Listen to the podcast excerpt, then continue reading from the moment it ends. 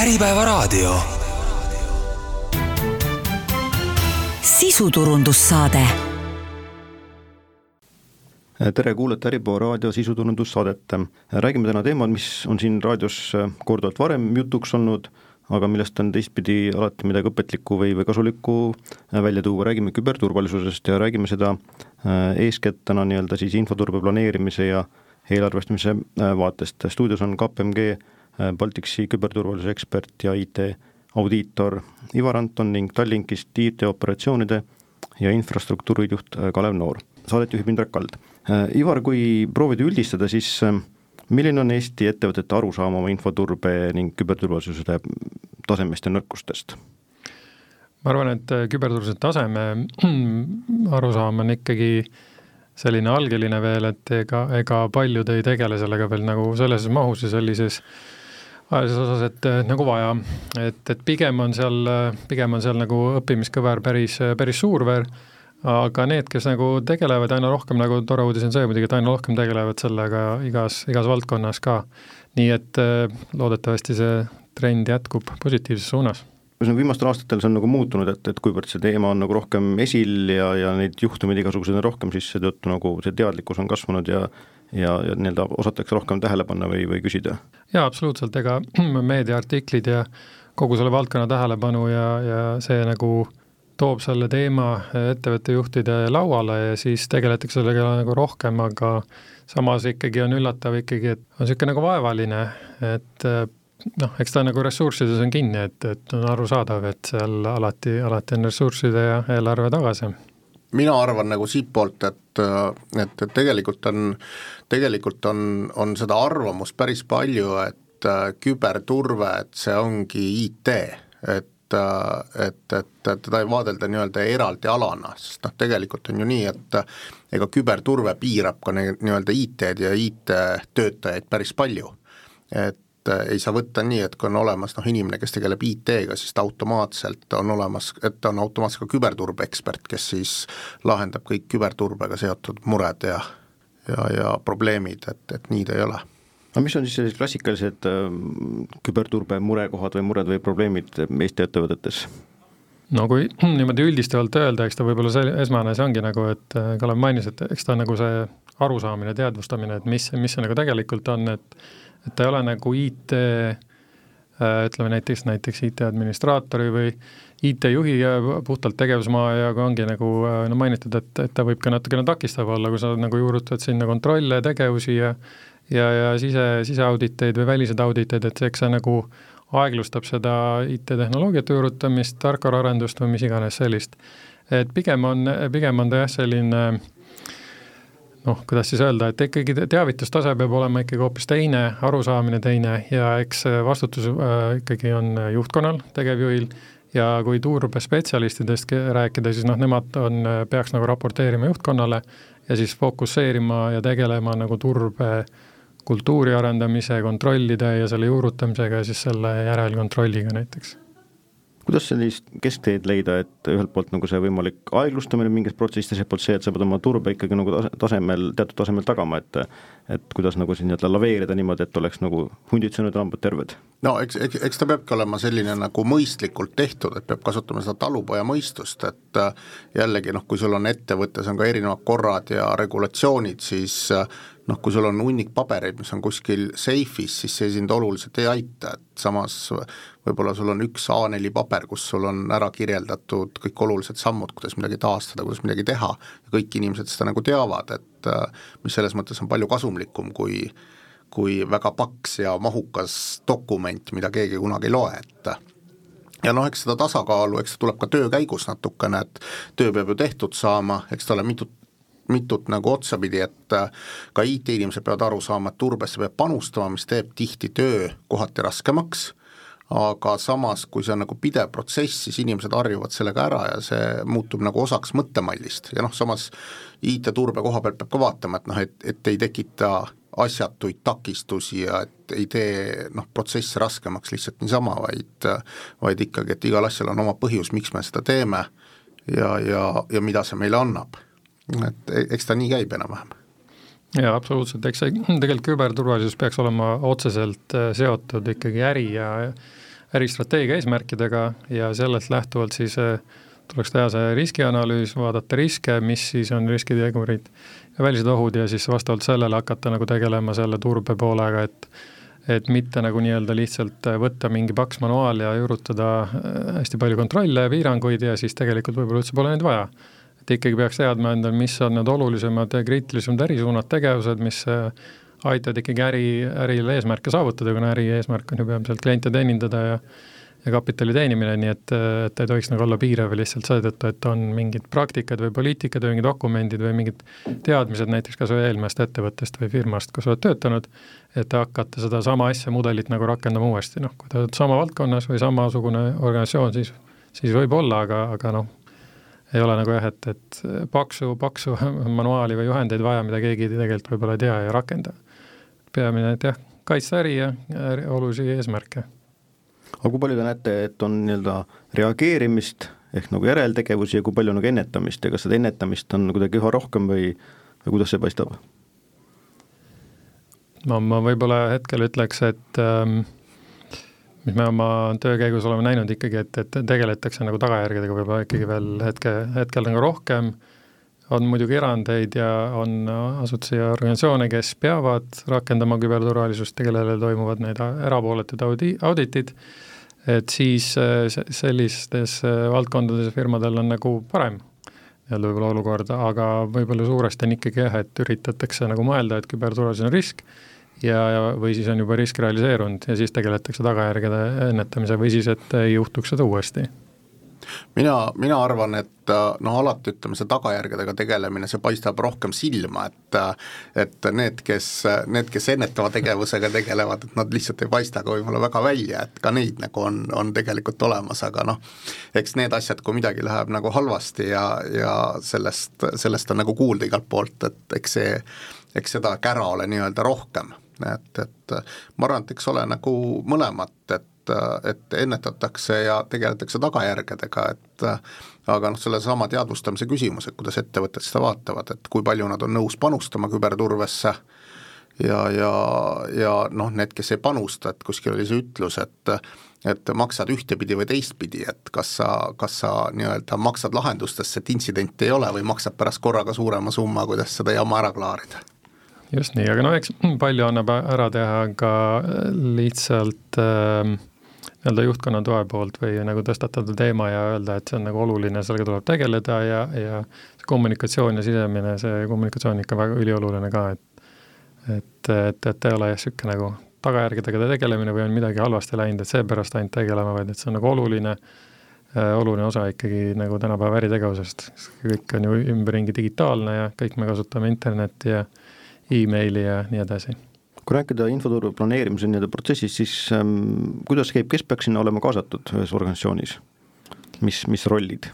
sõltub alati, kes on organisatsioonis olemas, aga kindlasti tuleks kaasata, kui on äh, riskiinimene või riskiosakond ja, ja infoturbespetsialist või siis infoturbejuht, kes siis peaks nagu hakkama seda nii-öelda infoturbeprogrammi ja strateegiat kokku panema, aga seda peab kindlasti kooskõlastama ja sisendit saama äh, ka juhtkonnalt, ehk siis tippjuhtkonnalt, kes siis ütleb, mis on ärilised eesmärgid ja mida me peame saavutama. et see on niisugune, see on niisugune pidev töö, et sa nagu äh, sead need eesmärgid ja proovid seda strateegiat ja plaani hakata nagu koostama, aga ega sa pead nagu äh, tagasisidestama ja uuendama seda vastavalt sellele ikkagi, kui midagi äris muutub või, või prioriteedid muutuvad või siis lihtsalt äh, ressursid muutuvad, et siis ka peab kindlasti mõtlema sellele kui hästi rahalises mõttes planeeritav on küberturvalisuse tagamine? on seal, on seal miskid sellised, ma ei tea, varjatud tasusid või küsimusi, mida sa nagu ei saa pika eelarve tegemisel nagu arvesse võtta? jah, eks seda kindlasti ei oska öelda võib-olla kohe alguse ette, kui hakkad planeerima, et kas on vaja mingi, kas on vaja mingeid uusi ähm, noh, tuvastus- või tagi- äh,, intrusion süsteeme või, või siis äh, uut tulemüüri või, või muuta mingeid äh, võrgulahendusi, et äh, et piirata rohkem ligipääse, nii, aga noh, eks väga palju annab teha tegelikult lihtsalt äh, koolitamisega, tead-, inimeste teadvustamisega ja siis äh, järeltegevusega kon- ja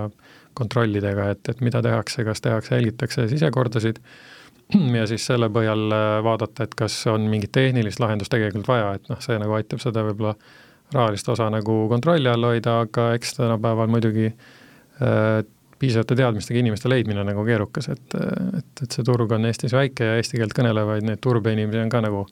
vähe, et, et siis see, see võib olla muidugi väljakutse. nii, milline on nii-öelda praktiku vaade sellise eelarve tegemisele ja planeerimisele te,? tegelikult noh, ütleks, et kui, kui sa oled seda, kui sa hakkad võib-olla siis nagu uues organisatsioonis nullist peale, et siis võib-olla noh, on, on neid väljakutseid vähe rohkem, aga kui sa seda nagu aastast aastasse nagu teed, siis ma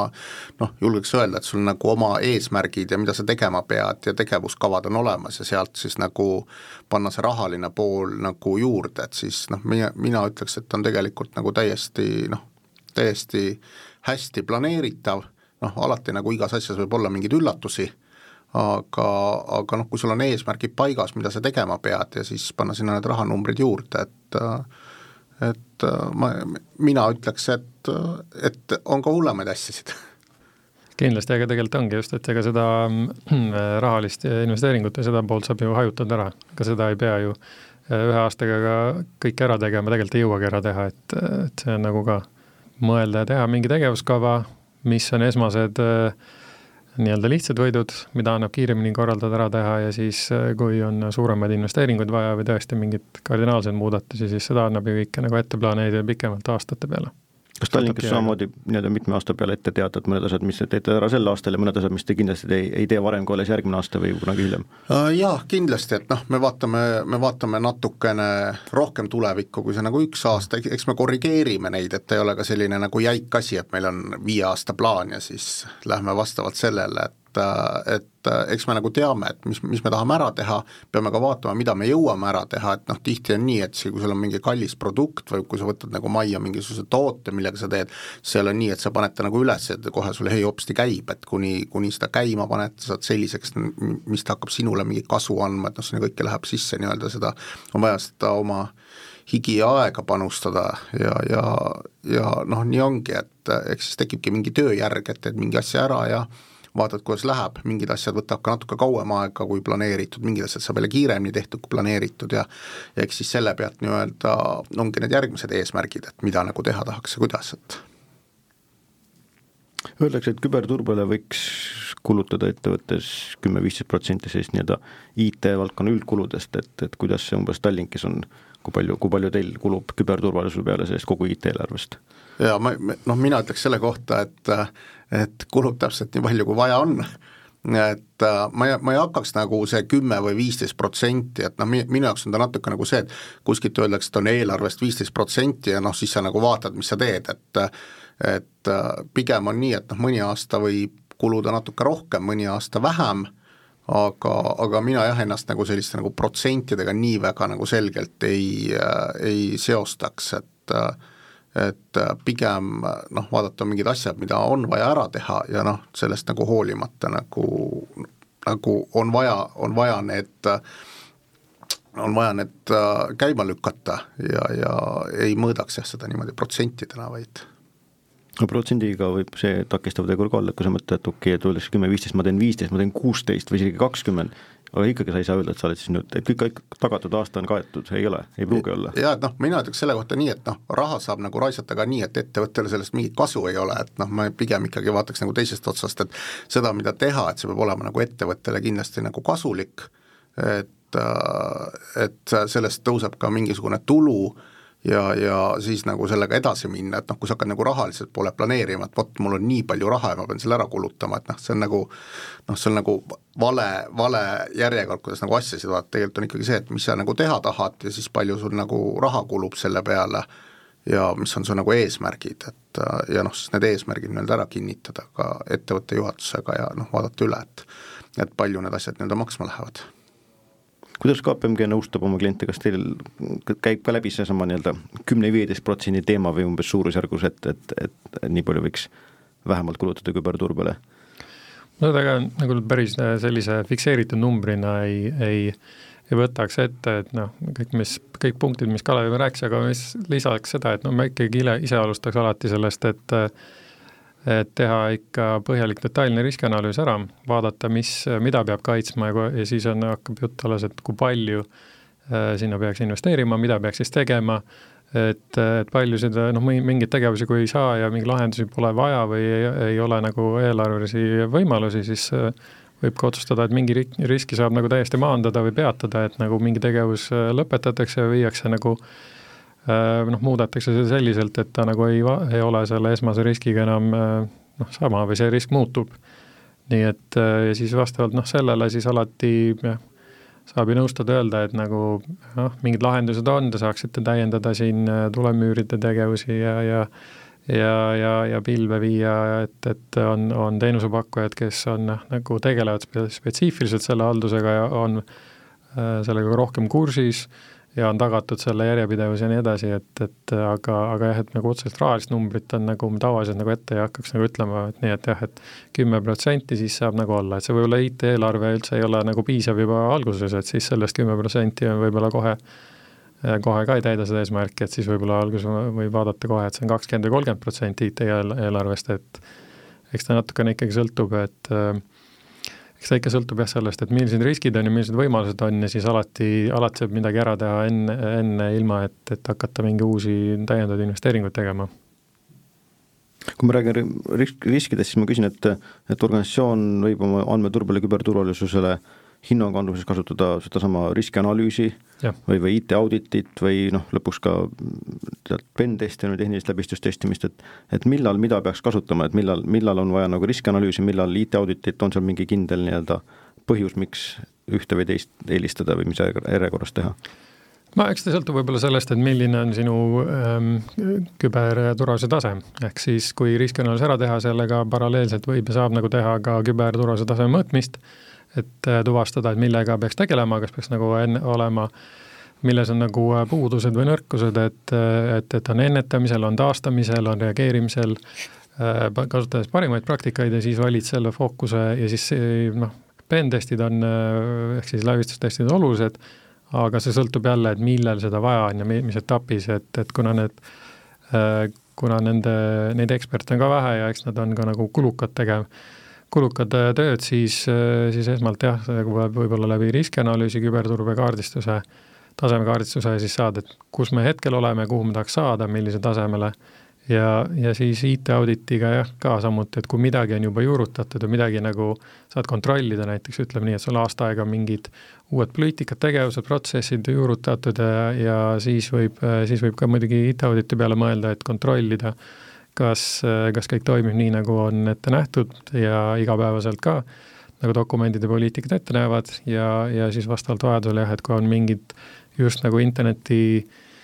internetist avalikult kättesaadavad teenused äh, klientidele, et äh, mingid portaalid, müügiportaalid, mis iganes, et siis, siis nende vastu kindlasti tasub ka teha seda läbistustestimist, turvalisuse vulnerability assessment'i jaa, et noh, mina lisaks oma, omalt poolt nagu juurde, et noh, kui kui IT-turvalisusega on ikka mõnda aega tegeldud organisatsioonis ja siis näiteks need red teaming ja purple teaming üritused on nagu ka väga-väga kasulikud, et nendest õpib nagu päris palju. Ja, ja noh, julgeks öelda, et näiteks purple teaming, mis on, mis on siis see, et seda tehakse nii-öelda ründava poolega koos, neid harjutusi, et tegelikult on väga huvitavad, et ka ründav pool õpib, nähes, kuidas nagu kaitstakse, et see on ka neile huvitav ja, ja, ja siis ka kindlasti noh, organisatsioonile, et näha, mis võib juhtuda, kuhu inimesed välja jõuavad, et praktilise poole pealt on, on väga kasulikud asjad kuivõrd see IT-audit on selline tehnilise võimekuse analüüs või kui palju käsitletakse kas seal inimfaktorit ehk töötajaid või siis mingeid nii-öelda töö ja äriprotsesse? ja eks tegelikult IT-auditit noh, kuidas seda defineerida või mille, seda saad nagu äh, IT-auditid võid, võid teha nii intsidentidele, äh, intsidenti valmisolekule, äh, jätkusuutlikkusele ja, ja, ja noh, kas või tarkvaraprotsessidele, muudatushalduse protsessidele, et, et sõltub veidi, missuguse nii-öelda selle skoop või ulatus tööle jääb. aga, aga noh, ütleme nii, et äh, laias laastus sa ikkagi vaatad, et millised on, millised on äriprotsessid, millised on nendega seonduvad äh, Äh, dokumendid, äh, poliitikad, äh, detailsemad tegevused, kavad näiteks back-up plaanide back-up'i tegemise osas ja seda saab nagu kontrollida, testida, kas seda nagu mingi perioodi vältel ka stabiilselt ja protsesside, dokumentide põhiselt nagu tehtud. ja, ja siis tehnilisest osa jah, siis selle jaoks on need eraldi, on pen-testid ja vulnerability assessment ja nii edasi kui oluline on selliste plaanide omamine, kriisiplaan või ma ei tea, taasteplaan ja kõik muud? Või, või mis, mis riske toob kaasa nende nii-öelda puudumine, et kui see, kus oli seda plaanina kirjas ei ole, sa võib-olla oled midagi läbi mõelnud, aga sa ei ole seda nagu enda niimoodi plaanina kirja pannud. Jah, no selles mõttes, et kui kriis on käes, siis äh, see põhiosa on, äh, põhiasi on, et siis selles etapis ei tohiks enam äh, mõelda ja teha nagu otsuseid, siis sul peaks olema plaan, mis on nagu läbi mängitud, läbi proovitud ja, ja ka koolitatud ja uuendatud, kohendatud, selles mõttes, et sul on plaan, mõtled, et meil meil on primaarne teenus, mis on veebist kättesaadav, kui see kukub maha, mis on, mis on aktsepteeritav näiteks juhtkonna seisukohast kas see on lubatud, noh, võid öelda muidugi null, on ju, aga noh, see nagu tähendab seda, selge, meil on teatud rahalisi ressursse vaja ja siis me paneme paralleelselt kaks toimivat lahendust, üks on, üks on ühes andmekeskuses, teine teises, nad on üksteise koopia ja, ja, ja see, see vastavalt maksab, on ju. aga sisuliselt, et mõelda nii, et noh, kui meil on nagu viis minutit, tund aega või kakskümmend neli tundi mingi teenus maas, mis siis saab ja siis, kui see kriis muidugi kätte tuleb, siis tuleb see plaan võtta ja lihtsalt hakata seda jälgima, mitte mõtlema, et kes peab mida tegema, kes äh, annab kinnituse, millal me, millal me liigume teise andmekeskusse, kui on see olemas, või, või mis iganes see nagu tase, tase tuleb, et millist taset sa tahad, et et, et see nagu ähm,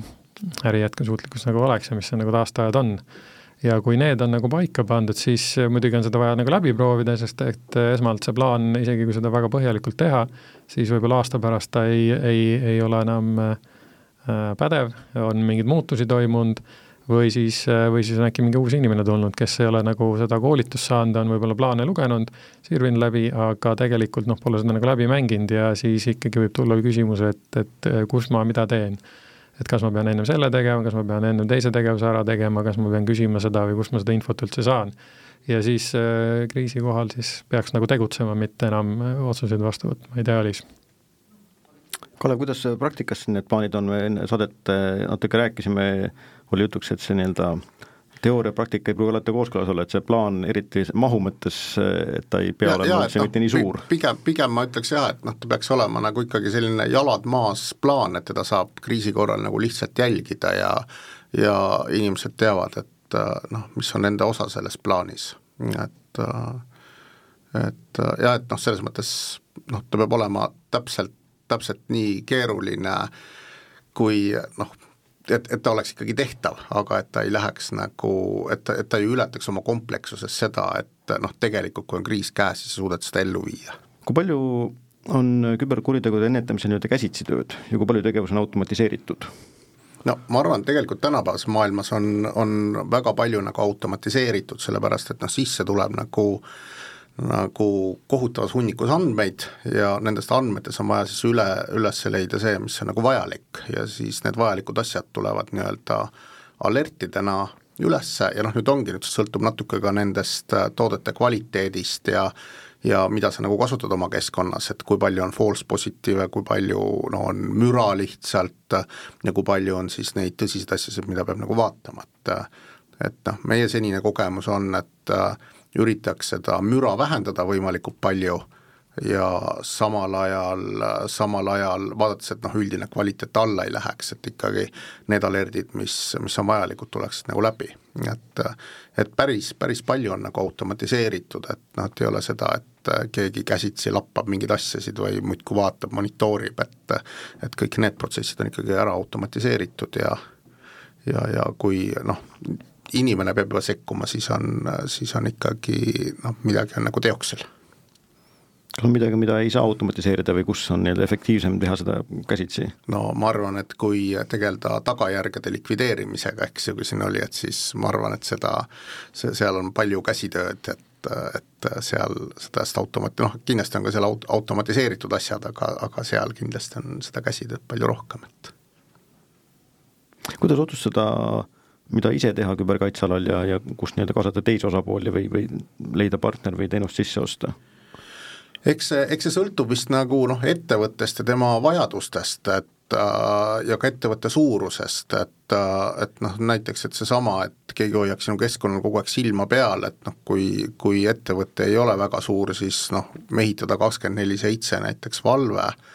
et äh, noh, ta on kindlasti päris kallis ja teha seda ainult oma ettevõtte jaoks ei ole ta ka finantsiliselt mõistlik otsus. et no näiteks selline teema, noh samas, samas on ka palju küberkaitseettevõtteid, et kui sul ei ole omal nii-öelda eelarvet, raha, vahendeid selle jaoks, et sul oleks hea spetsialist, siis kindlasti tasub võtta pigem see spetsialist väljast, kes on üldjuhul hea spetsialist ja, ja kes siis nii-öelda panustab sinna küberturvalisusesse, et, et see, see on jah, väga individuaalne, et kust maalt ja kui palju nagu tasub väljaspoolt sisse osta neid asjasid. kuivõrd Tallink on oma teenuseid digitaliseerinud ja, ja nii-öelda kui, kui digitaalne äri te olete, Tallink? no mina arvan, et ikkagi väga digitaalne, et noh, piletimüügid ja teenused on ju internetis, on enamik teenused on internetis kättesaadavad, et et nagu see meie regioonile on kohane, et, et, et jah, Tallink on, on digitaalne. ja kui palju te olete ise arendanud ja kui palju olete sisse ostnud erinevat arendust? ma, ma arvan, et Tallink teeb seda mõlemat, et noh, ma ei hakkaks siit joont tõmbama, et nii palju teeme ühte või nii palju teist, et noh, Tallink on suhteliselt suur ettevõte ja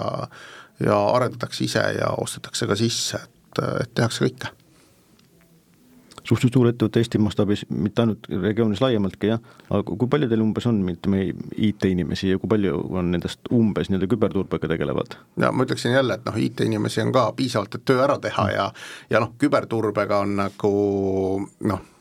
et küberturve tegelikult jookseb läbi nagu ka kogu IT, eks ju, et selles mõttes ühest osast võib öelda, et noh, kogu IT on seotud küberturbega. et, et noh, me ikkagi noh, tahame seda, et ka meie nagu IT-töötajad oleks nagu küberteadlikud ja, ja igalühel on ka oma vastutusalad, et et noh, teisest küljest, kui me räägime, et palju on siis noh, neid inimesi, kes siis nagu juhivad seda küberturbeprotsesse ja, ja on seal nii-öelda pidevalt nagu hands-on, et noh, siis siis neid on ka paar inimest meil ikka on, kes, kes sellega nagu pidevalt tegelevad. Tallink on ettevõte, mis tegutseb ju tegelikult äh, mitmes riigis, et kui palju teil see tiim nagu hajutatud on? Äh, Tallinki IT on tsentraliseeritud, et äh, et kogu IT on, on ikkagi Tallinnas ja, ja siis on noh, kohapealsed tugiteenused, kus siis on ka IT-töötajad muudes riikides, aga noh, kõik sellised tsentraalsed ja suured nii-öelda teemad Äh, lahendatakse ikkagi nagu Tallinnas nii, aga IT-inimesed on, vähemalt paljud neist on üha, tahavad olla rohkem, üha rohkem nii-öelda vabad ja liikuvad ja, ja ma ei tea, talvitada kuskil Hispaanias või, või Kagu-Aasias, et on see kuidagi nii-öelda, kuidas see teie, teie töösse nagu suhestub ja, ja ka kuidas te nii-öelda seda turvet siis hoiate? Äh, no ma, ma ütleks, et noh, meil seda nagu sellist massilist Kagu-Aasias nagu talvitumist ei ole, aga aga noh, teisest küljest, et kui sul on nagu see, et kas inimene võib nii-öelda noh, eks siin koroona ajalgi sai, sai neid asjasid nii-öelda fine tune itud, et kas sul inimene teeb siis nagu koroona ajal kodunt tööd äh, siitsamast Tallinna lähedalt või ta siis teeb seal Kagu-Aasiast, et noh, seal ei ole olulist vahet nagu ei ole, et äh, et samamoodi pead sa looma selle turvalise kanali, et ta saab ettevõtte asjadele ligi. et, et ma ei näe sealt nagu noh, suurt erinevust, kui kaugel see inimene on kodutöö ja selline remote töö variandid on meil olemas ja ettevõtte süsteemidele kindlasti saab nagu ligi ja eks, eks neid peab ka nii-öelda turvama ja vaatama, et need oleks ajakohased ja turvalised. sest võib-olla sõltub kindlasti ka sellest, et äh, milline su vastusala on ja mida sa tegema pead. ja noh, kas sa oled nagu, sinu panuse tegevused on nagu ajakriitiline, et kui sul on nagu mingi projekt, millel on tähtaeg ja see projekt tuleb selleks ära teha või eesmärk, siis, siis on võib-olla nii-öelda nagu lihtsam, aga kui sa pead olema äh, kättesaadav ja sa oled hoopis teises ajavööndis niimoodi kuskil Aasia poolel, siis, siis, siis on see, et et kas sa oled valmis või siis peab see töötaja arvatavasti valmis olema töötama natukene eri, eri tundidel aegadel, et, et olla selle Eesti, Eesti tööpäeva aja vahemikus nagu kättesaadav ja, ja pidevalt nagu ka ja ja muidugi koolitamine ka muidugi, et, et kui lähed, mõtled küll, et võid olla Aasias, aga istud kuskil, kuskil kohvikus rannas ja paned klapid, Teamsi klapid, Teamsi kõne pealt klapid pähe ja seal suure suuga räägid kõike, mis, mis tehakse, kuidas tehakse ja siis, siis äh, tegelikult võib sul kõrvallauas olla nii mõne, mõnigi eestlane ja nii edasi, et või see aina rohkem tehakse nagu kõik on ka rahvusvahelised, et siis kui räägid inglise keeles, siis on kõigil teada, mida sa teed ja kus ja mis ja mis hetkeolukord on. mis on omakorda risk, millest tuleb ka osata läbi mõelda. ei, absoluutselt jaa, et see noh, meil on ikka me ise klientidel kontrollime ka, kui IT-auditi osa teed, et kuidas, kui teed nagu mingit standardiauditit, näiteks ISO kakskümmend seitse tuhande seeria, null üks infoturbesüsteemi oma, et siis küsida, kontrollid ka, et milline on, milline on ettevõttel, eeskirja, kuidas, kuidas kodukontorit saab ja võib teha ja mi-, millised kontrollid on peal ja, ja kas on teadvustatud ja kas on vaja veel midagi eraldi, eraldi piirata, mingit ligipääsu mingi süsteemidele võib-olla, kui on nagu sellised sensitiivsed kliendi andmed või, või finantsandmed, mida nagu ei taha või ei ole või siis on ka, et aga noh, kõike saab tänapäeval muidugi turvatud kanalit pidi ja VPN-iga nagu ära lahendada, teha ja teadvustada, et sul on kodukontor ja see ei ole mõeldud, see seal teatud info töötlemine ei ole mõeldud nagu teistele kõrvadele. Ja, ja noh, ma arvan, et noh, siin on ka see küberhügieeni nii-öelda teema, et töötajaid samamoodi organisatsioonis peab nagu koolitama. Ja, ja noh, ka meil on oma nii-öelda küberhügieeni kursus, et Äh, milles töötajad äh, läbima peavad. Ja noh, seal ongi puudutatud kõiki neid olulisemaid punkte, et äh, et mis puudutavad noh, nii-öelda tavatöötaja vaatest, kes, kes ei ole infoturbetöötaja, seda, seda infoturvet ja millele tähelepanu pöörata, et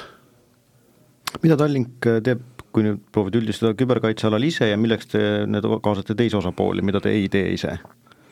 no Tallink teeb väga palju asju ise, ütleme niimoodi, et et pigem ma ütleksin, et noh, me kindlasti kasutame teisi osapooli, noh, võin näitena tuua, et noh, me teeme kas või mingit purple teaming exercise'i ja selliseid asjasid nagu noh, koos teiste osapooltega, et et aga jah, et kõike, kõike, mida me saame, kõike me põhimõtteliselt Tallink teeb ise ja hoia, hoiab noh, nii-öelda need asjad nagu enda käes, et. Tallink, ma kujutan ette, on natuke võib-olla keskmisest erinev ettevõte selles mõttes, et teil on üsna suur osa ka riistvaral. Et, et kuidas nagu seal selle turvalisuse tagamisega nii-öelda hakkama saate? jaa, noh selles mõttes on õigus, et Tallinkil on, kindlasti on riistvara, kuna, kuna meil on need ujuvad andmekeskused, et, et kui vaadata nagu palju ettevõttel on andmekeskus, siis ma arvan, et noh, Tallink on seal ikkagi nagu nagu väga tipus igasugu mõõtmistega, et kuna jah, et igal laeval on ju oma andmekeskus ja, ja noh, ma, ma lisaks ütleme riistvara ütleks veel, noh Tallink on ju Läänemere suurim äh, ISP, et äh, internetiteenuse pakkuja. et, äh, et noh, meil on ikkagi siin vahetusolukorras mingi viisteist tuhat seadet korraga nagu võrgus. et jah, eks, eks seal ole nii-öelda noh, omad väljakutsed, et noh, andmekeskustega ikka, et noh, and-, andmekeskuste ligipääsud on piiratud, kõik sinna ligi ei saa ja, ja, ja noh, ka toimingud on nii-öelda piiratud, mida saab teha ja kus, et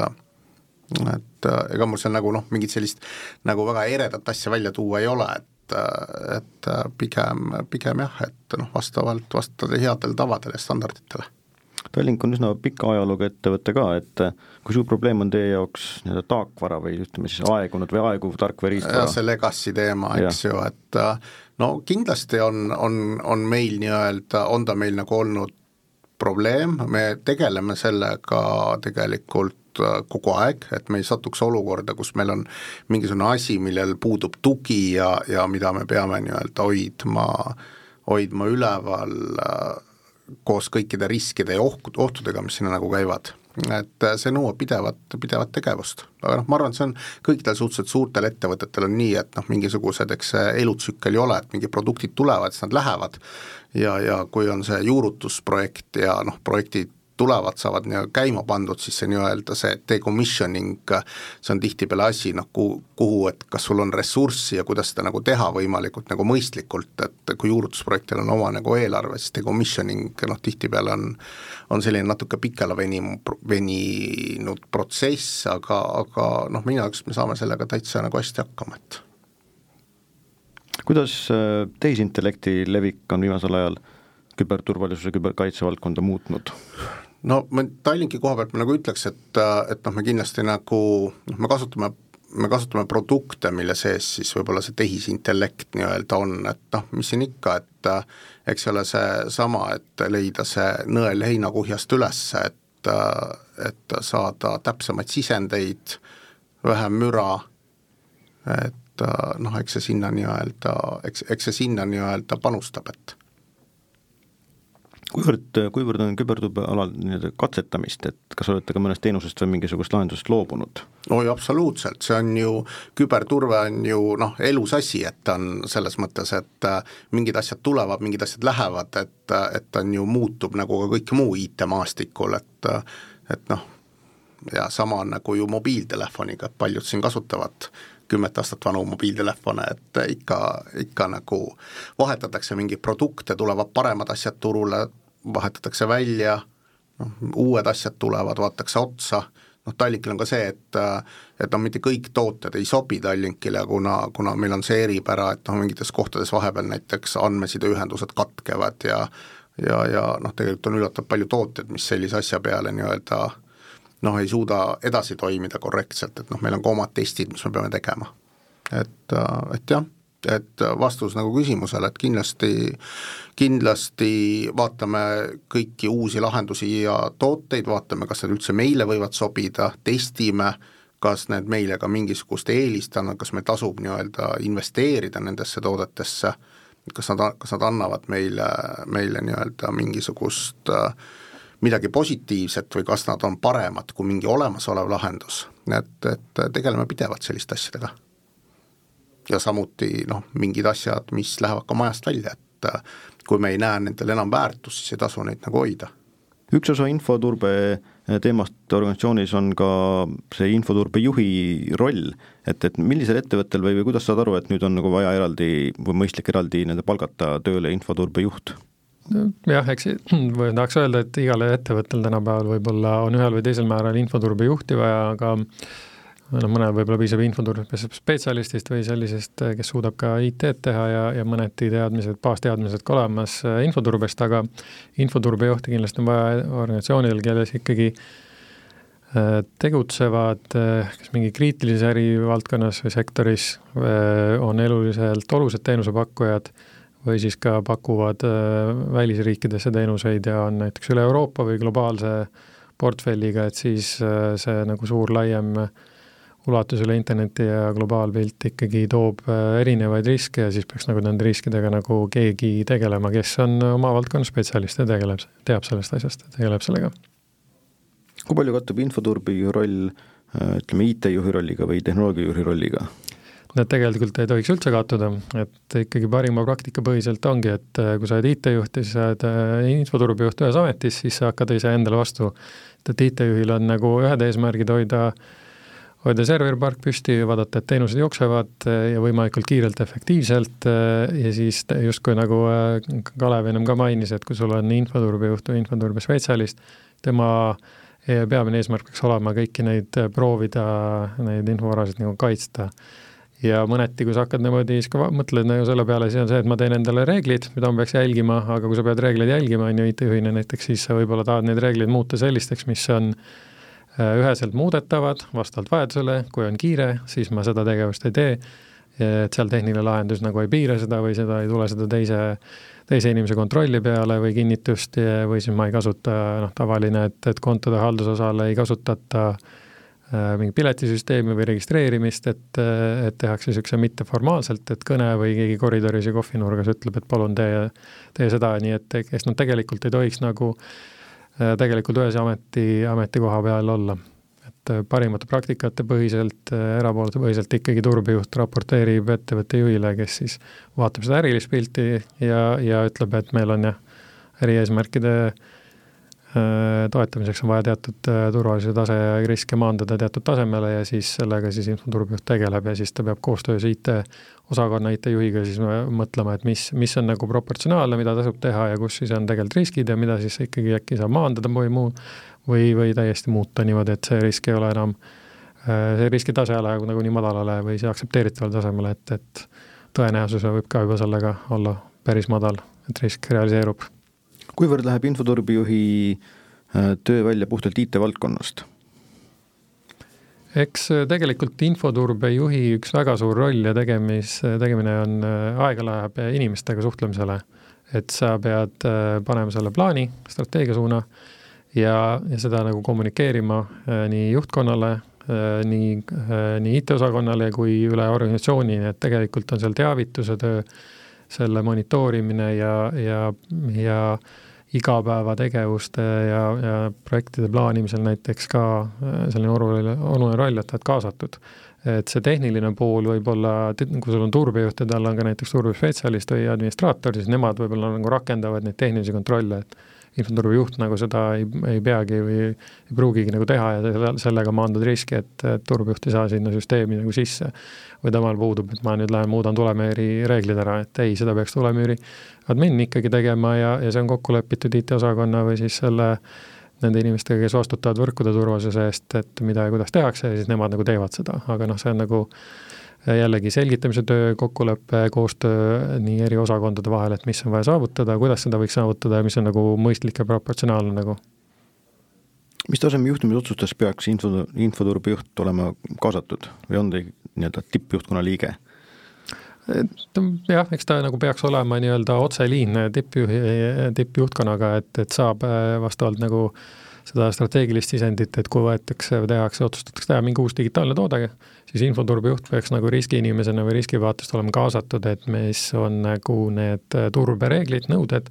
tasemed, mis peavad olema, millised on riskid, potentsiaalsed uued riskid, neid hindama ja andma oma sisendi ja oma ekspertiiteadmise sellega, et, et mida võiks ja peaks nagu tegema, et, et seda riski ka jälle maandada, hallata või siis täiendavaid kontrolle sinna juurde Äh, juurde tekitada või siis anda oma soovituse, et, äh, et sellisel kujul seda toodet mitte teha, näiteks kui ikkagi riskid näevad väga, on väga suured või siis on on nende maandamine ebaproportsionaalselt mõistlikult nagu kulukas, et siis ka võidki öelda, võiks, peakski selgelt ütlema ja juhtkonnale tagasi tõstama, et, et seda, seda teenust ja toodet äh, ei, ei võiks sellisel kujul nagu võtta kasutusele. kuidas on see infoturbejuhi roll nagu ajas muutunud, kas lisaks nii-öelda sellisele äh, IT-keele mõistmisele on rohkem juurde vaja ka nii-öelda ärikeele oskuse vajalikkust, et saada aru äriste protsessidest, mitte ei ole nii IT-spetsialist? jaa, absoluutselt, äh, jah, eks turbejuht peab saama sellest tehnilisest küljest aru ja millised on võimalused ja, ja kui sa seal koostöös äh, IT-osakonnaga toimetad, äh, töötad, siis ikkagi sellest tehnilisest poolest peab muidugi arusaam olema, aga, aga kindlasti noh, äriprotsesside arusaamine, ärist arusaamine võib-olla ja äristrateegia suundadest, et, et tegelikult jah, see nagu äh, eks seda tuleb nagu kogemusega ja, ja eks, eks, eks seda ähm, noh, palju, palju on ikka ka kommunikatsiooni taga, et pidev kommunika-, kommunikatsioon nii äripoole, äh, tippjuhtkonna kui siis IT-osakonna ja muude osakondade vahel. kuivõrd on see info turbejuhtumine teenus, mida saab nii-öelda sisse osta väljast? Saab ja me KPMG-s ka pakume seda teenust, et äh, see sõltub täiesti, kus, kus organisatsioon on oma, oma teekonnaga, kui kõige parem on võib-olla võtta see väline infoturbejuht, kui ei ole kindel, kus, kus üldse ollakse, siis saab seda riskide kaardistamist teha, küber, kübertaseme kaardistust, et aru saada, kus hetkel ollakse, kuhu soovitakse jõuda, näiteks viimasel ajal on väga palju küsitud ka ISO kakskümmend seitse null null ühe standardi osas mis siis on rahvusvaheline parim praktika infoturbe juhtsüsteemi osas. Ja seda küsitakse nii, seda küsivad ka juba väiksed, väiksemad tarkvaraettevõtted, kellel on vaja seda avalikus sektoris või rahvusvaheliste koostööpartnerite tõttu, et aina rohkem seda, noh, EU suunast tuleb ka siin NIS kaks direktiiv, DORA finants, finantsvaldkonnale, et, et aina rohkem tuleb ka EU suunalt ja selliseid regulatiivseid nõudeid, mida peab täitma ja millega peab tegelema, ja see teeb nagu seda pilti kõvasti keerulisemaks. ja siis, kui sa oled äh, majasisene infoturbespetsialist või sa oled lihtsalt IT-s, kellel on mõni inimene, kellele antakse ka see infoturbe eest äh, vastutav roll või, või tegeleda infoturbega näiteks, seda tihti ikkagi palju on IT-juhile antud Äh, noh, parem on, kui keegi sellega ikkagi tegeleb, kui, kuigi ta võiks nagu olla eri, eraldi inimesed, eraldi rollid, aga kui, kui sellega näiteks IT-juht tegeleb, siis mingi hetk tema see enda teadmine või see aja, aja, ajaraam nagu hakkab piinama, et midagi on vaja ära teha, me ei tea, kus võib-olla, kus, mis meil täpselt tase on, siis võib seda välist konsultanti või välist turbejuhti kasutada, et aru saada, et kus kaardistada ära, mis, mis on hetkeolukord, kuhu tahetakse, kuhu tahetakse jõuda ning, äh, ning mis, äh, mis, äh, mis see nagu soovitud see ajaraam võib-olla on, et soovime saada siin näiteks sertifikaati ISO, ISO valdkonnas, kuna partnerid küsivad või mingi, mingi kokkulepe on selline, et nagu ma olen kuulnud ka meil klientide seas, et tehtud on leping. Ja lepingu üks klausel oli see, et me teeme teiega lepingu, võtame teilt teenuse, aga te peate järgmiseks aastaks esitama, et te olete mingi infoturbesüsteemi endale, juhtsüsteemi rakendanud ja tihti küsitakse ka sellele mingit äh, välise erapooletu audiitori kontrolli või siis mingit sertifikaati, mis siis ka annab erapooletu äh, sertkeha või siis audiitorit. kas see nii-öelda infoturbejuhi teenus tähendab, et siis sul ei olegi vaja seda inimest nii-öelda täiskohaga sinu ettevõttesse tööle, vaid see võib olla mingisugune osaajaga töö, et info, see nii-öelda renditav infoturbejuht tegutseb nii sinu kui mingi muu organisatsiooni heaks, jagades oma aega seal mitme ettevõtte vahel? Jaa, seda saab nii teha, eks seal muidugi tuleb see, kui, kui palju, noh, kui palju seal neid kliente on, ega, ega seal äh, niimoodi päris ei saa, et, et võtad võtad endal kümme või kakskümmend klienti, vähemalt meie nii ei tee, et, et, et eks ta sõltub, on ju, kuhu on nagu soov saada, kas on eesmärk, ja alguses võib seda ressurssi rohkem vaja minna, kui vaadatakse, tehakse see kübertaseme kaardistus, kus me hetkel oleme, millist taset me soovime saavutada ja kui tundub, et sisedokumente pole, protsesse pole, rollide lahusust pole tagatud, millest enne on natukene räägitud, et siis, siis võib olla nagu alguses rohkem ressurssi vaja, et ja siis saab ka nagu võtta nii-öelda peaaegu täiskohaga või siis kas või juba poolteist või kaks inimest sinna appi, et vast, kui, kui soovitakse agressiivse raamistikus liikuda, aga kui võetakse niisugune nagu ei ole nagu erilist vajadust äripoolelt ja, ja ki-, nii otseselt kiiret ei ole, ja see ei ole näiteks mõnes elutähtsa või kriitilise teenuse osutaja, kellel on ka siin NIS kahe direktiivi ja Eesti Eesti elutähtsa teenuse osutajate vaates ka küberturvalisuse seaduse nõue peal äh, juurutada ja kontrollida oma infoturbeprotsessi, siis äh, jah, siis, siis võib ka võtta nagu äh, väiksema, väiksema osaga koormusega ja, siis tõesti see inimene saab olla nagu pigem võib-olla sellise konsultandi rollis, kes aitab nagu äh, teemat nagu juhtida ja annab nõu ja ei, võib-olla ei olegi see, kes nagu kirjutab ja, ja juurutab neid kontrolle ise nagu ettevõttes. nii, aga selle tõdemusega täna lõpetame saate, kordan üle, stuudios olid äh, küberturvalisusest, infoturbest rääkimas KPMG Balticsist äh, küberturvalisuse ekspert ja IT-audiitor Ivar Anton ning Tallinki IT-operatsioonide ja infrastruktuuri juht Kalev Noor, saadet juhtis Indrek Kald, kena päeva!